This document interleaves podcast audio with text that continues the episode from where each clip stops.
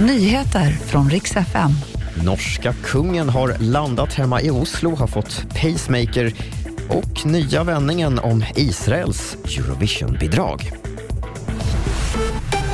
Morgon. Vi ska börja i Uddevalla där en brand bröt ut i ett lägenhetshus vid fyra tiden nu på morgonen.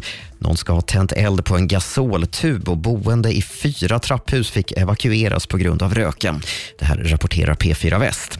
Branden utreds som grov mordbrand alternativt försök till grov allmänfarlig ödeläggelse. Det finns inga uppgifter om några skadade. Så ska jag berätta att Norges kung Harald nu har landat hemma i Oslo. Han drabbades ju av hälsoproblem under en semesterresa till Malaysia och blev inlagd på sjukhus där han bland annat har fått en tillfällig pacemaker inopererad. Och sen fick han alltså flyga hem och nu kommer han läggas in på Rikshospitalet i Oslo. Kungahuset låter hälsa att kungens hälsa i alla fall är på bättringsvägen. Kung Harald är 87 år.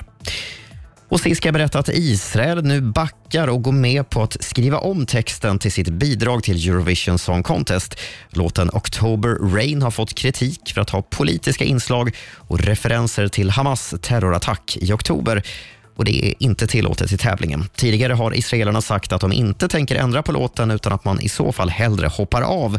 Men efter att EBU hotat med att diskvalificera bidraget så ska de nu alltså tona ner budskapet i texten. Allt detta enligt israeliska medier. Och det var de senaste nyheterna med Robin Kalmegård.